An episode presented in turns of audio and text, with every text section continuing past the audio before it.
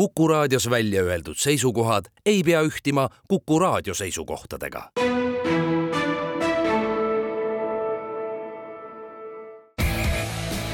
vutikohus. vutikohtul aitab pinget kruvida Pahv tere tulemast kuulama Kuku raadio jalgpallisaadet Vutikohus, mis on eetris igal neljapäeval ning mida juhivad Ott Järvela jalgpalliportaalist soccernet.ee ja Andres Vaher Õhtulehest meie saadet saab tavapäraselt järelkuulata Kuku raadio koduleheküljel ja äpis Player ning samuti iTunesis, Spotify's ja Postimehe spordiveebis. vutikohus võtab igal nädalal jutuks aktuaalsed jalgpalliteemad ning tähtsamad jalgpallikohtumised. algab vutikohtu kahesaja kahekümne teine istung ning alustame möödunud nädala jooksul peetavat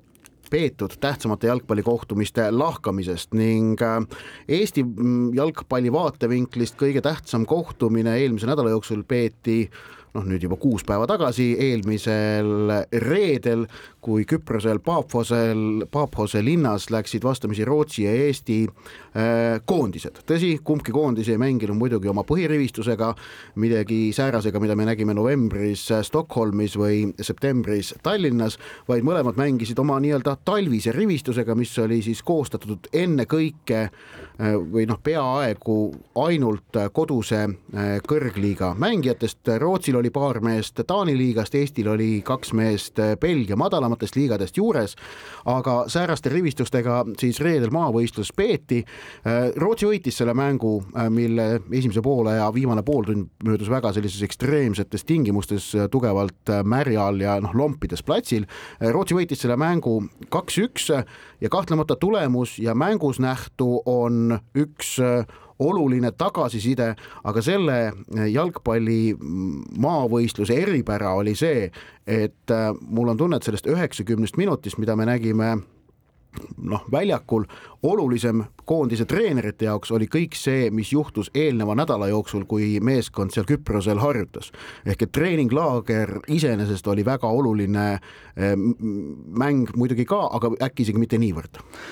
jah, noh, kindlasti need eelmised siis mängule eelnenud äh, noh, viis ja pool päeva laias laastus siis andsid äh, äh, kujundasid siis ka neid otsuseid, mida treenerid tegid mängus, siis noh, mänguaja andmise ja, ja positsioonide ja, ja, ja kõige mõttes ja kindlasti sealt said kõik nii ühtpidi nii treenerid kui ka mängijad teistpidi siis väga palju uut ja väärtuslikku informatsiooni, siis nii uuemad mängijad kui ka, kui ka need, kes olid koondises äh, no kas siis oli ka kogenud tegijaid, oli, oli siukseid vahepealseid, et kõik said mingit infot enda seisukohta ja mäng oli siis lihtsalt sihuke noh, väike kontrolltöö sinna lõppu ja no, noh, ma ei ütle. ma, ma, kont... ma tahtsin kasutada sõna eksam, aga siis tõmbasin tagasi, et päris ja, eksam ei olnud, see oli kontrolltöö. ja, ja selline kontrolltöö, noh, korralik, aga, aga noh, just, aga eh, selle mängu muidugi sellest eripärast, räägime sellest eh, ekstreemsest ilmast ka, et seal kuskil kümnend, tegelikult juba avavile ajal hakkas sadama ja hakkas sadama kõvasti ning noh, ütleme umbes viieteistkümnendast minutist muutus väljakul normaalse jalgpalli mängimine keeruliseks ja umbes kahekümne viiendast minutist võimatuks. sellepärast siis hakkas juhtuma see, et pall jäi lompi kinni. ehk et eh, noh, noh, mis, mis muudab jalgpallimängu noh, totaalselt teistsuguseks, sest et kui sa mängid pika palli ette või mis iganes ja pall jääb seisma, mitte ei veere või põrka edasi, siis tegelikult mängijad lihtsalt ei ole sellise asjaga valmis arvestama, kohanema peab ja kohanemise, kohanemine on jalgpalli üks noh, võtmeasju ükskõik kus, ükskõik mis tasemel aga lihtsalt sellise kohanemisega on, on äh, niivõrd kiiresti hakkama saada suhteliselt võimatu. me nägime, mõlemad võistkonnad eksisid tegelikult sellega. ja et ähm, noh, siin võib muidugi nüüd loomulikult selles mõttes kohanema peabki, kõigega peab kohanema. Aga noh, ma väidan üsna kindlalt, et alates mingisugusest oludega, mis olid noh, kahekümnendast minutist kindlasti, kui see mäng oleks toimunud nii-öelda mõisa peale, see mäng oleks katkestatud üsna, üsna, üsna kindlasti oleks see katkestatud, iseasi siis millal ta jätkunud oleks ja kõik, kõik muud nüansid las jääda. ja, ja lihtsalt jalgpallur oma tavategevuses ei ole harjunud noh, on ta siis kaitsja või, või teistpidi ründaja, ta ei ole lihtsalt harjunud tema tema motoorika ei ole lihtsalt selliste liigutustega, muidugi veel kord, kordan kolmandat korda, kohanema peab, aga kohanema peab teatud piirini ja kohaneda on võimalik ka teatud piirini, et, et lihtsalt see, see ütleme pool tund laias laastus noh, tegelikult ei andnud see mitte kellelegi mitte mingit infot. no see jalgpallilist tagasisidet ei andnud üldse jah, ma olen nõus sellega, kui ta midagi andis, siis ta andis äkki sellise tahteliste omaduste kohta mingisugust tagasisidet ja noh, las ta, las ta olla, kokkuvõttes õnneks see periood oli umbes pool tundi, mitte ja, ja ülejäänud tund aega jalgpallimängu oli, oli täitsa korralik. ja tegelikult on väga hea, et, et tegelikult oli see väljak väga heas seisukorras, seda näitas see, et kui kiiresti see väljak imas kõik selle sisse, see oli kaunis harukordne, teisel poolel sai ikkagi noh, enam-vähem mängida. ja, ja, ja just, just äh, ning äh, ning, ning sellest mängust nüüd endast rääkides, esimesel poolel Kevor Palumetsa väravast läks Eesti juhtima, Rootsi viigistas ja teise poole alguses lõi Rootsiga kaks-üks värava ja no ütleme terve, ütleme teisest poolest rääkides, kus siis sai terve poole ulatuses mängida sellist korralikku jalgpalli, siis Rootsi ikkagi domineeris selgelt Eesti väravavõimaluste tekitamisega teisel poolel enam hakkama ei saanud. Eesti ridades tegid koondise debüüdi Eestis seitse mängijat ning, ning eks nagu ikka sääraste ähm, asjade järel tekib äh, kui sääraste noh, katsetusmängude järel tekib poleemika, et kes neist nüüd siis õnnestusid, kes mitte, mida nendest debüütidest äh, saab äh, järeldada. ma alustaks paremalt äärelt ehk et Kristo Hussar mängis paremkaitses noh, üle seitsmekümne minutit, seitsekümmend kolm minutit. Ja, ja ma aru, alustan sellel positsioonil põhjusel, et parem äär on praegu koht, kus Eesti koondisel tegelikult tavaolukorras, kui kõik mehed on olemas ja on, on koondise juures selline kindel lahendus puudub. ei ole olemas mängijat, kes on sinna nii-öelda noh, ilmne valik, nagu Karl-Jakob Hein alustab väravas Ka, Karol Mets on vasakpoolne eh, keskkaitsja, Henri Anier on rünnakul või, või noh, eriti nüüd, kui Rauno Sappinen ei ole, kui Rauno Sappinen on olemas, on Sappinen rünnakul, Mattias Käit on keskväljal, noh, selline ilmne valik. Konstantin Vassiljev on keskväljal. jah no vaatame, kuidas, kuidas nüüd te, tema osas ma enam niivõrd kindel ei oleks, aga, aga, aga noh, ja Joonas Tamm alustab, onju, aga et paremal äärel seda ilmset lahendust ei ole. Ja Hussar näitas, et tema võib see lahendus olla. Jaa, absoluutselt, et, äh, et noh, nagu me oleme ka ju viimase aasta jooksul näinud, Äberli on katsetanud seal erinevaid variante, Rasmus Peetsonit, äh, Martin Millerit, äh, kedagi vist nii-öelda positsioonilt välja tõstes veel, pärast siis Taio Tõniste vigastust on need, on need katsetused toimunud, Maksim Baskotši on seal varem mänginud, noh. Vlassi Sinjavski ka. noh, need on ka positsioonilt nagu tegelikult mingit pidi välja tõstmine, et, et, et eks paistab, et, et just noh, mõeldes nüüd sellele eelkõige sellele Poola mängule märtsi lõpus, siis, siis jah, et kas ta tõstab jälle kellegi välja, kas ta, kas ta kaalub Baskotši sinna liigutamist, kas on Hussar variant, aga just selle positsiooni praegust olukorda arvestades kindlasti Hussari võimalus debütantidest Poolas mänguaega saada on kõige suurem ja Kevor Palumets tegi keskpoolkaitses äh, number kuue positsiooni peal korraliku etteaste ja isegi ma rõhutan, et, et, et Georg Palumetsa etteastet tuleks kiita ka siis, kui me selle värava võtame mängust välja. et võta, võtaks, võtaks selle värava episoodi täiesti ära, mille ta kasutas, haistis võimalust, kasutas selle ära, aga muidugi noh, värav on jalgpallimängus selline noh, väga tähtis asi, aga nende olulisust kiputakse säärastel puhkudel üle võimendama. kui isegi see värav välja võtta, siis Palumetsa esitus oli igati korralik, isegi noh, ikkagi, ikkagi hea ja noh, ma olen suht kindel, et ta mängis ennast äh, Poola mänguks selle kahekümne kolme sekka, kes, kes sinna mängule koondisesse kutsutakse. põhikoosseisu on tal muidugi pääseda keerulisem, sellepärast et, et see sõltub üpris palju sellest, millises seisus on Martin Vetkal tolleks, tolleks hetkeks ja ma usun, et Vetkali noh, šansid põhikoosseisu kuuluda pärast äh, oktoobris ja novembris näidatud on suured, aga see sõltub väga palju hetkevormist. ja et noh, aga paneme selle nagu pildi kokku, et, et viimased kuud, et kui, et on tuli nüüd aasta lõpus Vetkal ja nüüd tuli Palumets, mõlemad siis noh, väga noored mängijad ikkagi ja välismaalt on näidanud oma taset nagu kohe. Et see on, see on, see on noh, ma ütlen lühidalt, see on ülipositiivne. ja see asetab Toomas Häberli selliste positiivsete probleemide ette, et tal on valikukohti, tal on mõttekohti, tegelikult mida vähem on selliseid nii-öelda ilmseid valikuid peatreeneril, noh, mõnes mõttes seda parem, et okei okay,, sa tahad, et sul oleks selgroog paigas, aga tegelikult äh, konkurents on, on, on no, vajalik. ärme võib-olla kanna veel nagu Markus Soomets ka päris lõplikult maha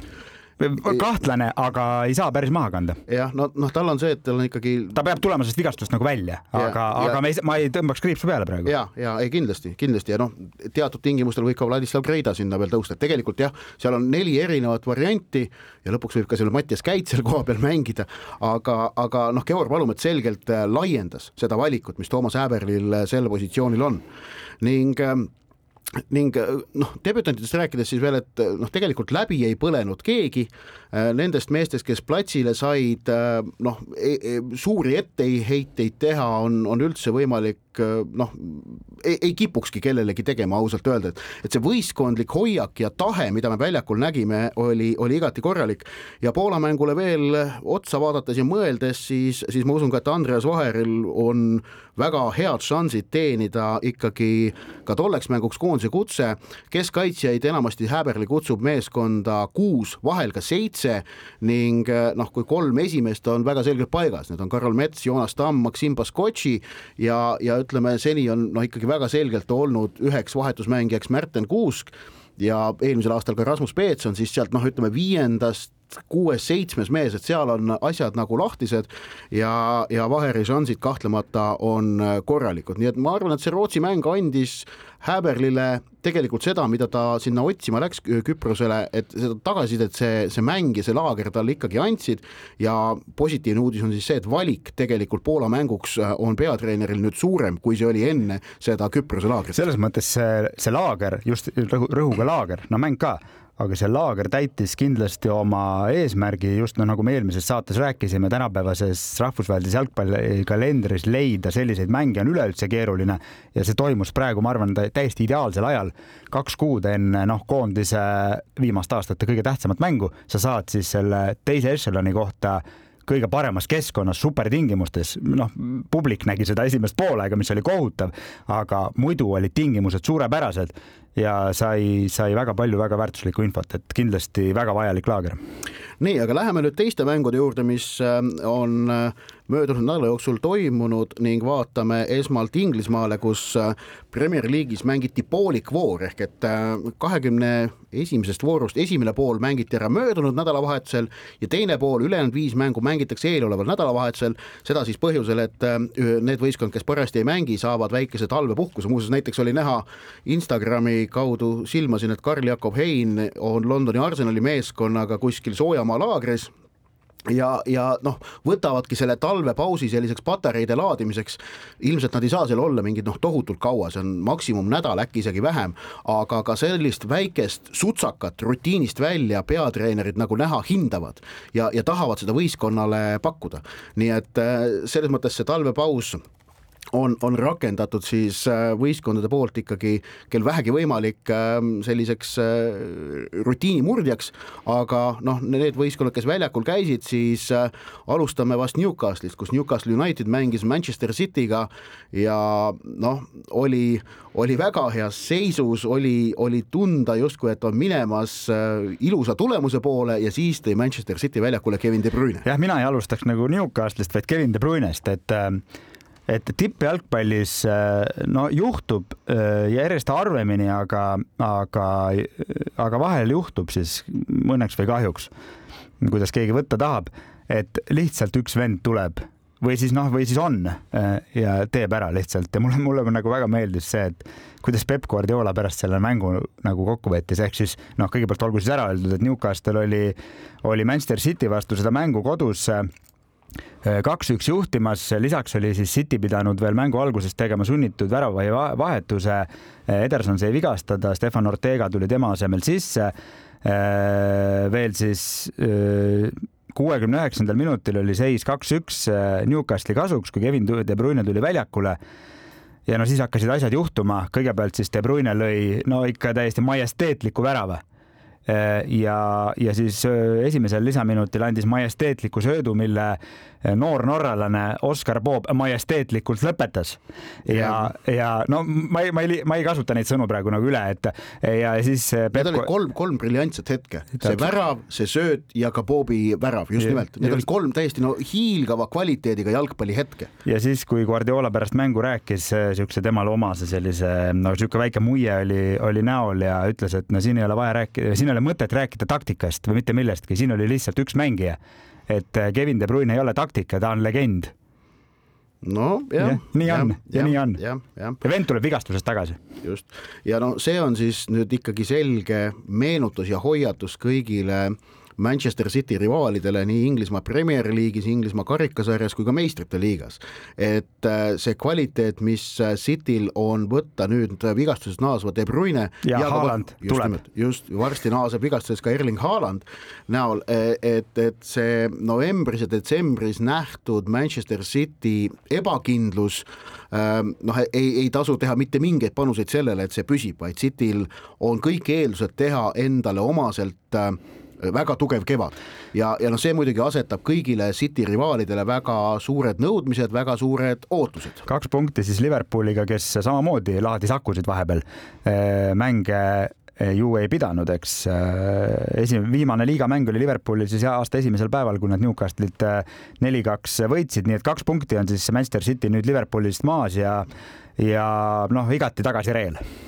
jah, no Liverpool oma seda kahekümne esimese vooru mängu peab nüüd eeloleval nädalavahetusel, Manchester Cityl on lihtsalt üks mäng pidamata, sest nad olid vahepeal klubide MM-il. aga neil on võrdselt mänge praegu tabelis. just, just, aga üha enam noh, on ikkagi paistab äh, Arsenalil olevat keeruline sellesse tiitlivõitlusesse. no vaatame, me oleme ennegi teinud ennatlikke järeldusi, vaatame, vaatame, vahed on siiski veel praegu tegelikult esiviisikul äh, väikesed, et siin võib veel juhtuda igasuguseid asju. Aston Villa oleks Liverpooliga samadel punktidel, kui nad oleksid Liverpoolist naasnud võiduga, aga nad mängisid Evertoniga võõrsil null-null viiki ja, ja on seetõttu Man Cityga võrdsel pulgal neljakümne kolme punkti peal, aga Cityl siis üks mäng vähem peetud. ja üks kohtumine, mis möödunud nädalavahetusel Premier League'is veel toimus ja millele noh, tuleb peatuda, oli Manchester Unitedi kaks-kaks viik Tottenham Hotspuriga ähm, mille, mille kohta minu hinnang on, et kumbki ei olnud selle mänguga rahul. ja selle tulemusega siis? jah, sellepärast et äh, Man United mängis kaks korda maha eduseisu, nad juhtisid nii üks-null kui kaks-üks ja Tottenham tegelikult oli mänguliselt sedavõrd palju Unitedist võõrsil üle, et nemad on pettunud, et nad seda mängu ei võitnud ning äh, noh, sellepärast et noh ne, neil on ikkagi ka veel sarnaselt Arsenalile noh, lootus tiitlivõitlusesse sekkuda ja, ja noh, see oli nagu nende jaoks kaks punkti kaotatud, kuigi nüüd vaadates muidugi seda noh, olukorda siis, et, et Tottenham pidi mängule minema ilma, ilma Sarri, ilma Bissouma ja ilma Hyung-Min Sonita, kes kõik on Aafrika-Aasia meistrivõistlustel, siis noh, Tottenham muidugi selle kaks-kahe üle niimoodi paberi peal kurta ei saa, aga seda mängus juhtunut vaadates saab küll kurta. no eks seal puudujaid on ka Unitedil praegu mõlemal seal noh, kellel rohkem, kellel vähem, kellel tähtsamad, vähe, vähem tähtsamad, aga lihtsalt, et, et tulla nagu kõrgemasse mängu rohkem sisse, lihtsalt võitja on neil sellistes mängudes kummalgi vaja, see on see, see on see olukorra äh, siis nii-öelda põhitegur, aga jah, noh, kokkuvõttes viik oli selles mängus, ma arvan, isegi aus tulemus, et, et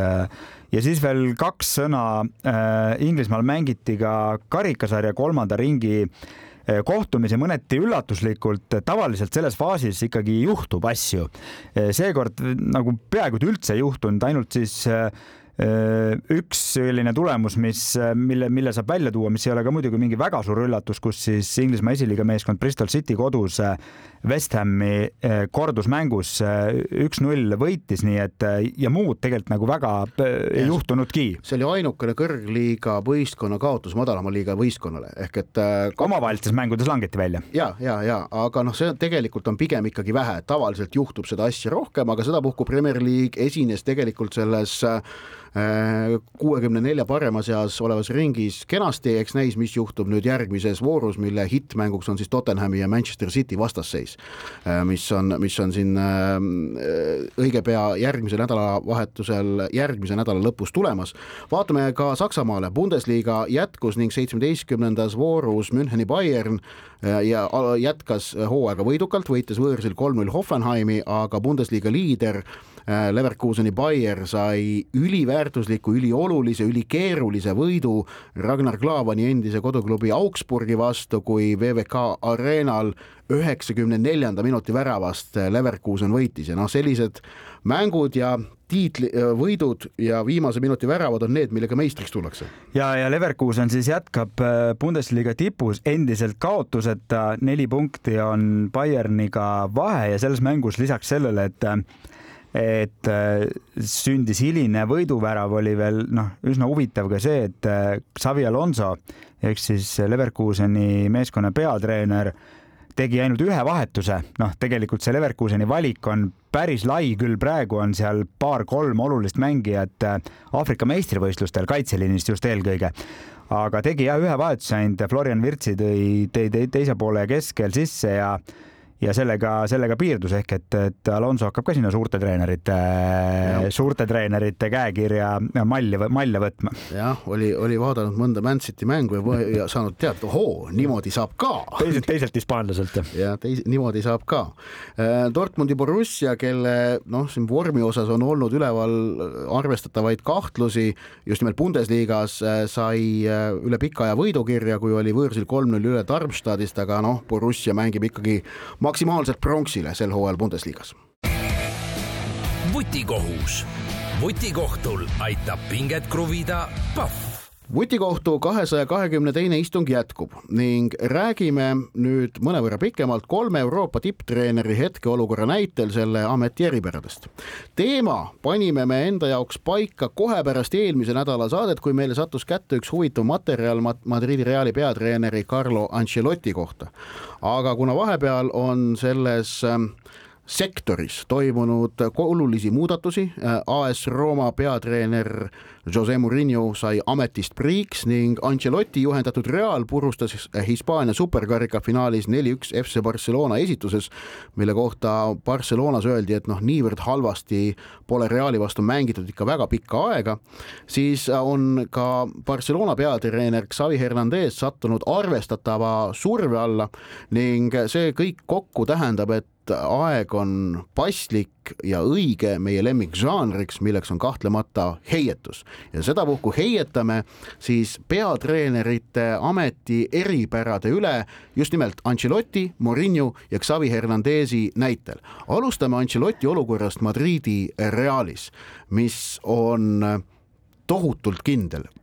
harva kohtab mõnda Reali peatreenerit, kelle olukord oleks sedavõrd kindel kui praegu Ancelottil ja et noh, Carlo Ancelottiga oli siis tükk aega siin kuni eelmise aasta lõpukuudeni olukord, kus ta, ta leping Realiga kehtis siis eh, selle, nüüdseks siis selle aasta suveni. ja noh, sellise pideva eh, regulaarsusega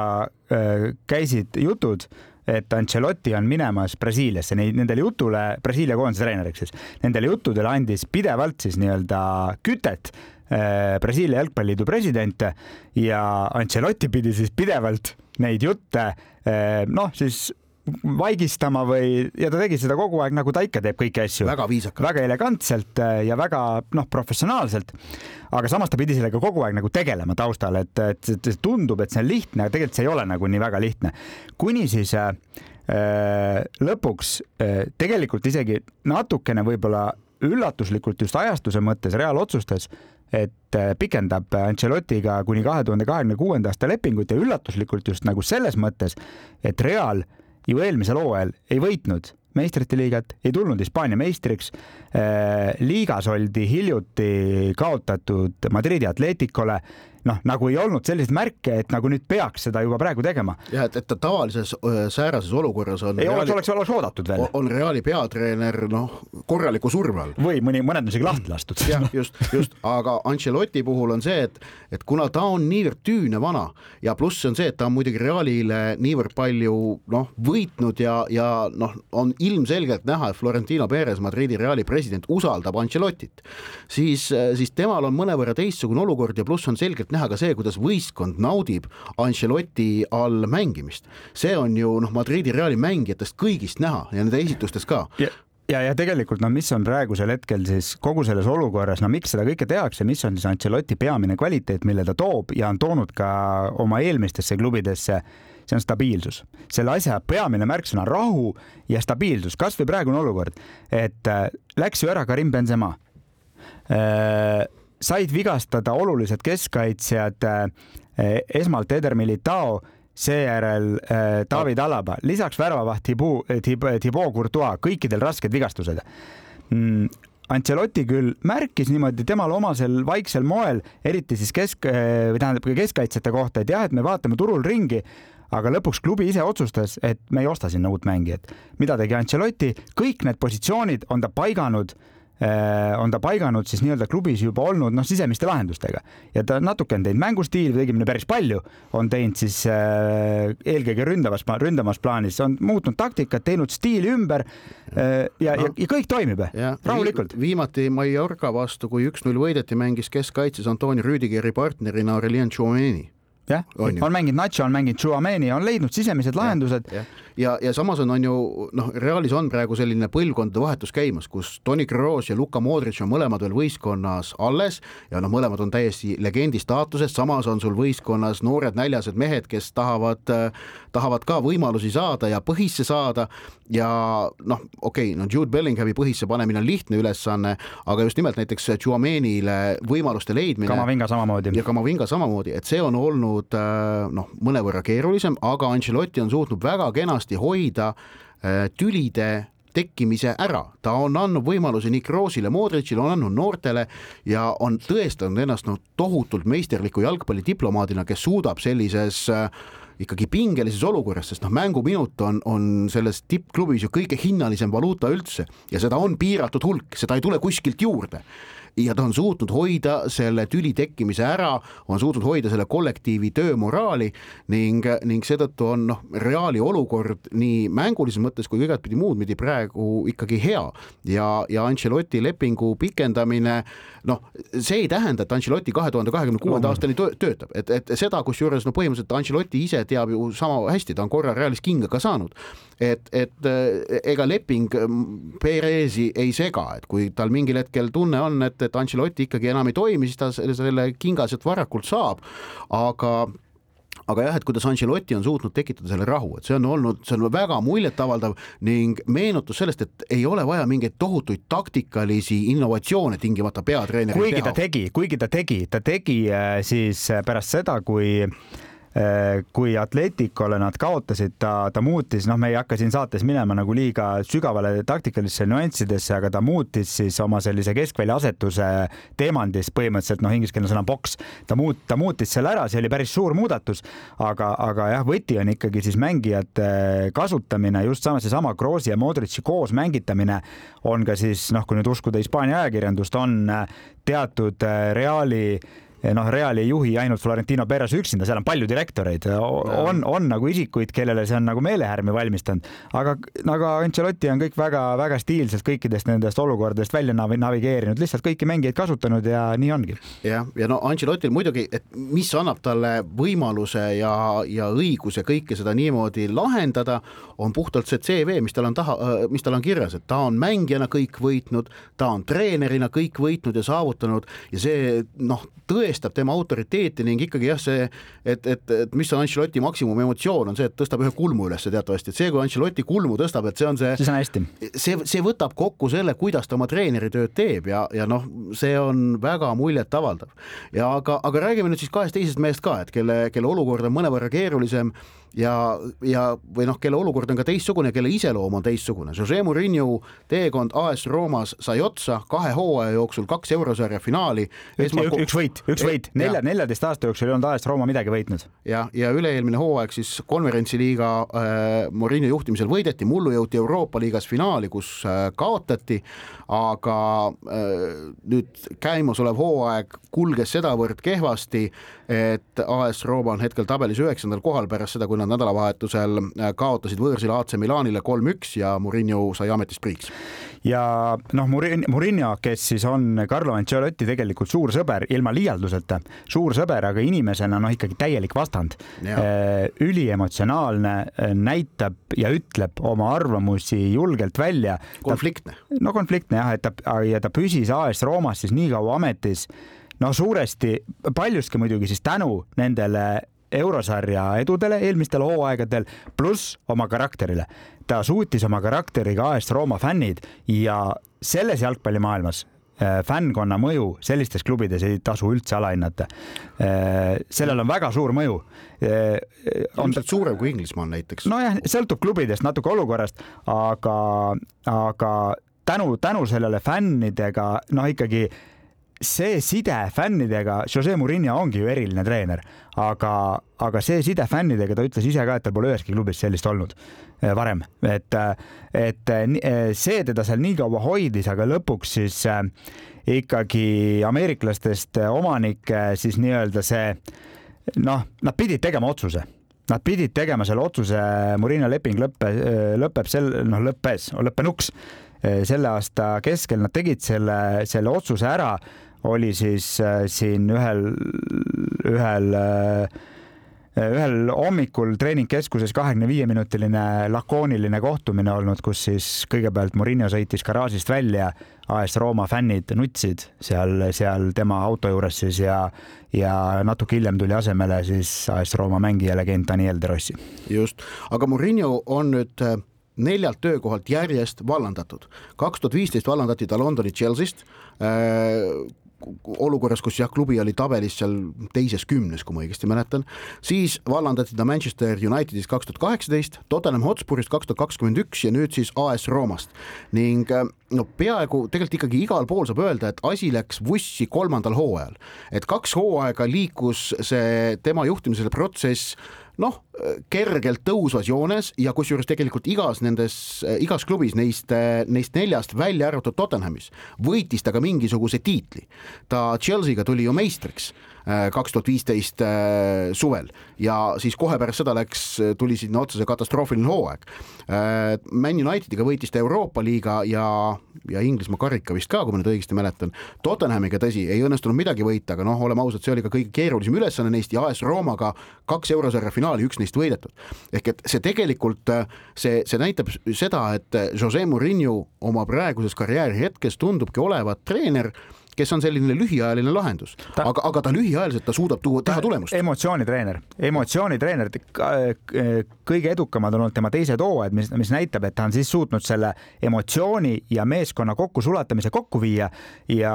ja siis see töötab, aga alguses nagu läheb aega ja kolmandal aastal justkui nagu hakkab ära manduma, lihtsalt see emotsioon ilmselt vaibub ja, ja no,. see, see on lihtsalt tema nagu eripära, aga see ei tähenda, et ta on halb treener, see, see ongi, et, et noh, ta on lihtsalt oma mingi müüdi ja olemusega, eh, ta ta on ikkagi endiselt tipptreener, noh ütlen mina. ja ma usun kindlasti, et tal ei teki praegu probleemi Euroopa tippjalgpallist uue töökoha leidmisel. ma arvan, et, et klubid, kes on mingisuguses hädas või kriisis, sellised suuremad klubid vaatavad väga äh, huvitatud Murillo suunas, kui nad praegu siin lähiajal treenerit hakkavad otsima, sellepärast et just nimelt ja, ja nad teavad, et äh, Murillo on nii-öelda lühiajaline lahendus, aga see ei tähenda, et, äh, et neid lühiajalise lahenduse otsijaid ei oleks, et kõik klubid ei tahagi endale Alex Fergusoni või noh, kaasajal me võime rääkida praegu nüüd Jürgen Kloppist, kellel käimas on, on ju kaheksas täishooaeg Liverpoolis, mis on noh, väga pikk ametiaeg või, või noh, Guardiolal vist on seitsmes täishooaeg, et kõik ei tahagi endale sellist, on, on klubisid, kes ongi mõelnud endale välja, et me hüppamegi ühe lühikese lahenduse pealt teise peale ja kui, ja kui äh, Murillo on selline omal äh, siis isiksuse tasandil äh, põnev vastand Carlo Ancelotile, siis teistpidi saab vastandada, no vastandada ju meile ajakirjanikele ju ikka meeldib, eks, et on siis Xavi Hernandez, eriti praeguses olukorras ja siis Hispaania superkarika finaalmäng Riadis paljastas selle väga ehedal moel. Madridi Real võitis selle mängu neli-üks, esimese kümne minutiga põhimõtteliselt oli asi tehtud, Vinicius oli, oli löönud kaks väravat, lõpuks lõi ka veel kolmekümne üheksandal minutil hat-tricki. Ja kuidas äh, Real ja Ancelotti äh, selle Barcelona, no ma, mina nimetaks, see on küll tagantjärgi hea nimetada, aga see oli Harakiri jalgpall, mida nad tulid mängima kõrge liiniga äh, Vinicius ja Rodrigo vastu yeah.. Äh, see, see söödi nii elegantselt ja, ja muretult läbi, et seda mängu ei toimunudki sisuliselt, et äh, ja see oligi, see peegeldaski omal iseloomulikul moel seda,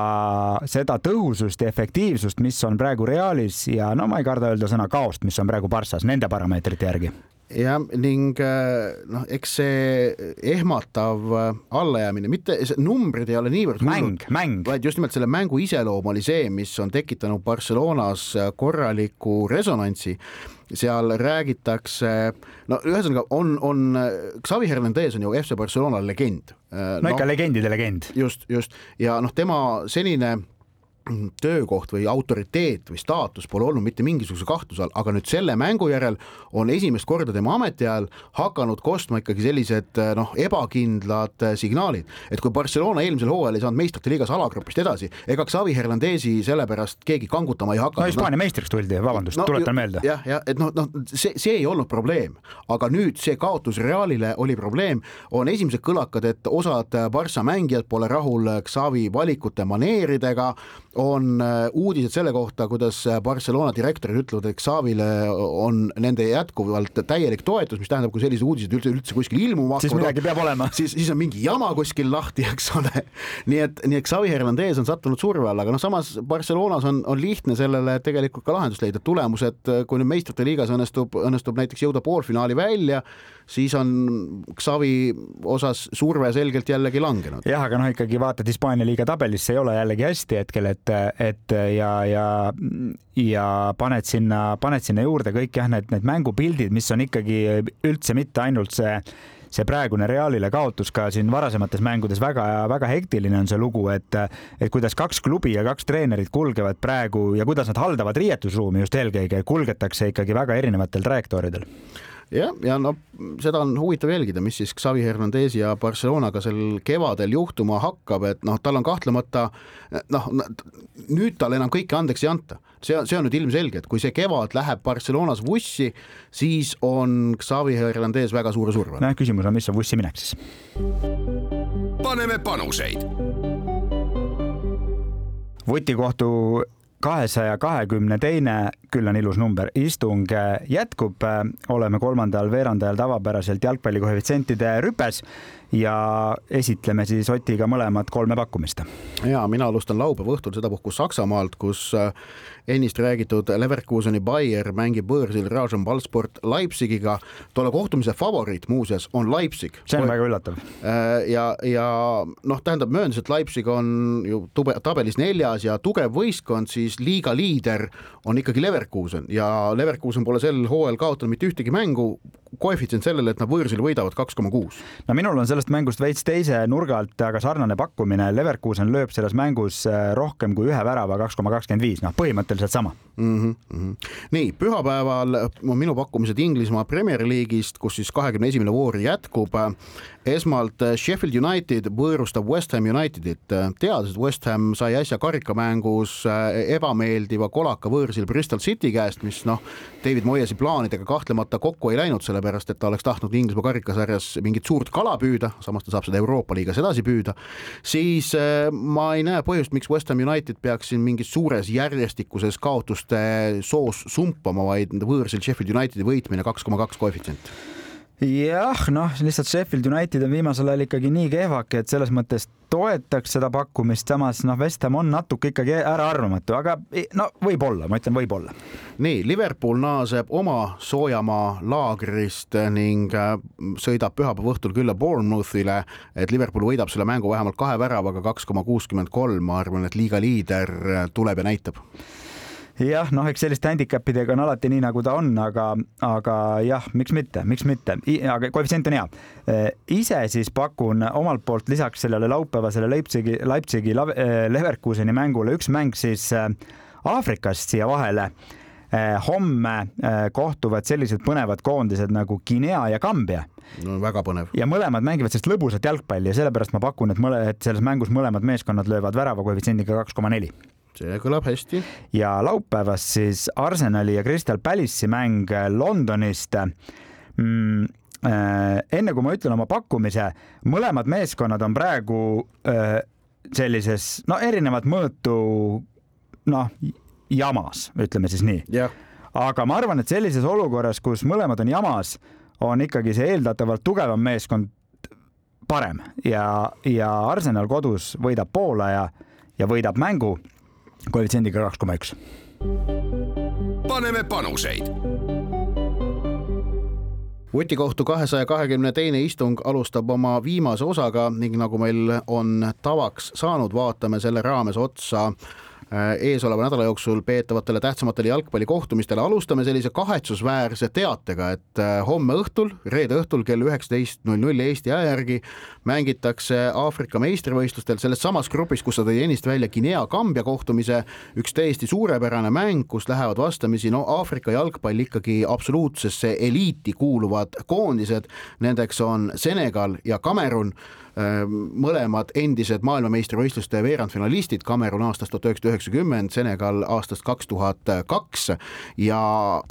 noh, tegelikult oleks tegemist noh, suurepärase mänguga, mida vaadata, aga kahjuks pole meil võimalik Eestis seda mängu vaadata. vähemalt legaalselt mitte. no legaalselt ei ole jah, et noh, põhimõtteliselt kes, kes tahab kuskil piraatstriimides sobrada, sealt midagi leiab, aga, aga tegelikult see on, see on neetult kahju on sellest, et Aafrika meistrivõistlusi pole võimalik Eestis äh, sedapuhku vaadata. kunagi oli tava see, et neid näitas Eurosport ja, alati. koos pikkade ette, taha ja järele kõikide vaadetega. ja, ja, ja noh, see oli selline jaanuarikuine tippjalgpall, mida sai enam, enamasti jälgida, Eurosport pole nüüd mõnda aega seda enam teinud, eelmist Aafrika äh, meistrivõistluste finaalturniiri näitas Viaplay, sedapuhku nemad ka ei näita ja, ja Eestis ei olegi keegi selle turniiri õigusi omandanud, äh, mis on, mis on neetult kahju, et, et seda pole kuidagi võimalik näha. aga no eks see ole meie majanduslik paratamatus on ju. jah, et ega mul siia midagi lisada ei olegi, siis äh, laupäeval naaseb klubi, klubi jalgpall kaks mängu, millest oli juba eelnevas saate osas ka juttu, siis lõunal äh, Arsenal Crystal Palace ja õhtupoole äh, Leipzig, Leverkusen mängud, mille välja tooksime, pühapäeval on veits tihedamalt äh, andmist. ja seal võib vaadata nii äh, Hispaania kui ka Inglismaa suunas äh, nagu, nagu ennist sai märgitud äh,, Inglismaal siis äh, Bournemouth võõr, võõrustamas Liverpooli ja noh, Liverpoolist kaks sõna natuke pikemalt rääkides nüüd siis äh, noh, Liverpool on tegelikult ikkagi surve all, nad on, nad on, nad on väga selge surve all, sellepärast et nad, eh, ega nemadki, neil ei jää märkamata Manchester City eh, leitud hoog, Kevin De Bruyne naasmine ja teadmine, et Erling Haaland tuleb ka varsti tagasi. aga eh, vaatamata sellele, et nad noh, möönavad ja saavad aru, et Manchester City on hea, siis samamoodi saab Liverpool aru, et neil on praegu ikkagi väga korralik võimalus tulla Inglismaa meistriks, et igal hooajal seda võimalust Liverpoolil äh, ei teki. Noh, neil on, nad kaks tuhat kakskümmend tulid, kaks tuhat kakskümmend üks äh, minu meelest seda võimalust, kui ma õigesti mäletan, eriti ei tekkinud, kaks tuhat kakskümmend kaks tekkis, aga ei õnnestunud, Man City oli parem. Äh, mullu jäädi viiendaks, ei olnud varianti, tänavu jällegi on, ehk et nende võimaluste tekkimine on ka ikkagi pii-, ei ole selline noh, kuidas öelda, tagatud, kuigi Liverpool on olnud viimase mm, kuue-seitsme aasta kontekstis Manchester City selgelt kõige suurem rivaal. ma arvan, et see hoiak on neil natuke teistsugune, nagu sa, kui sa siin kirjeldasid lühidalt öeldes siis, et see et Manchester City on, on ta, kuidas me iganes määratleme, on ta siis soosik või on ta kuskilt tulija, see on ilmselge, see on, seda teab iga iga meeskond, kes tahab Inglismaa meistriks tulla, nad on niikuinii seal, aga Liverpool pigem, ma arvan, on praegu positiivsel reel, nad on ikkagi ilmselgelt oma eelmist, noh, eelmise hooaja või eelmiste hooaegade sellise ebastabiilsuse praegu vähemalt siis hooaja esimeses pooles ilmselgelt ületanud. Nad on liiga liidrid, nad tunnevad ennast, ma arvan, võrdlemisi kindlalt arvestades suuremat pilti ja noh, ma arvan, et see hoiak on nendes praegu pigem enesekindel. nojah, aga noh, see selle enesekindluse. City on niikuinii noh no. on ta kaks punkti ees või taga, ta on niikuinii seal e-, ees, me teame seda, kõik teavad, Jürgen Klopp ja kõik Liverpooli mängijad teavad seda imehästi no igatahes mul on huvitav, minu jaoks on huvitav jälgida sellest, kuidas jälgida, kuidas Liverpool saab hakkama järgneva paari kuu jooksul selle surve ja teadmisega, et neil on tänavu hea šanss. Nad on natuke nagu praegu seisus, kus oli Arsenal eelmisel aastal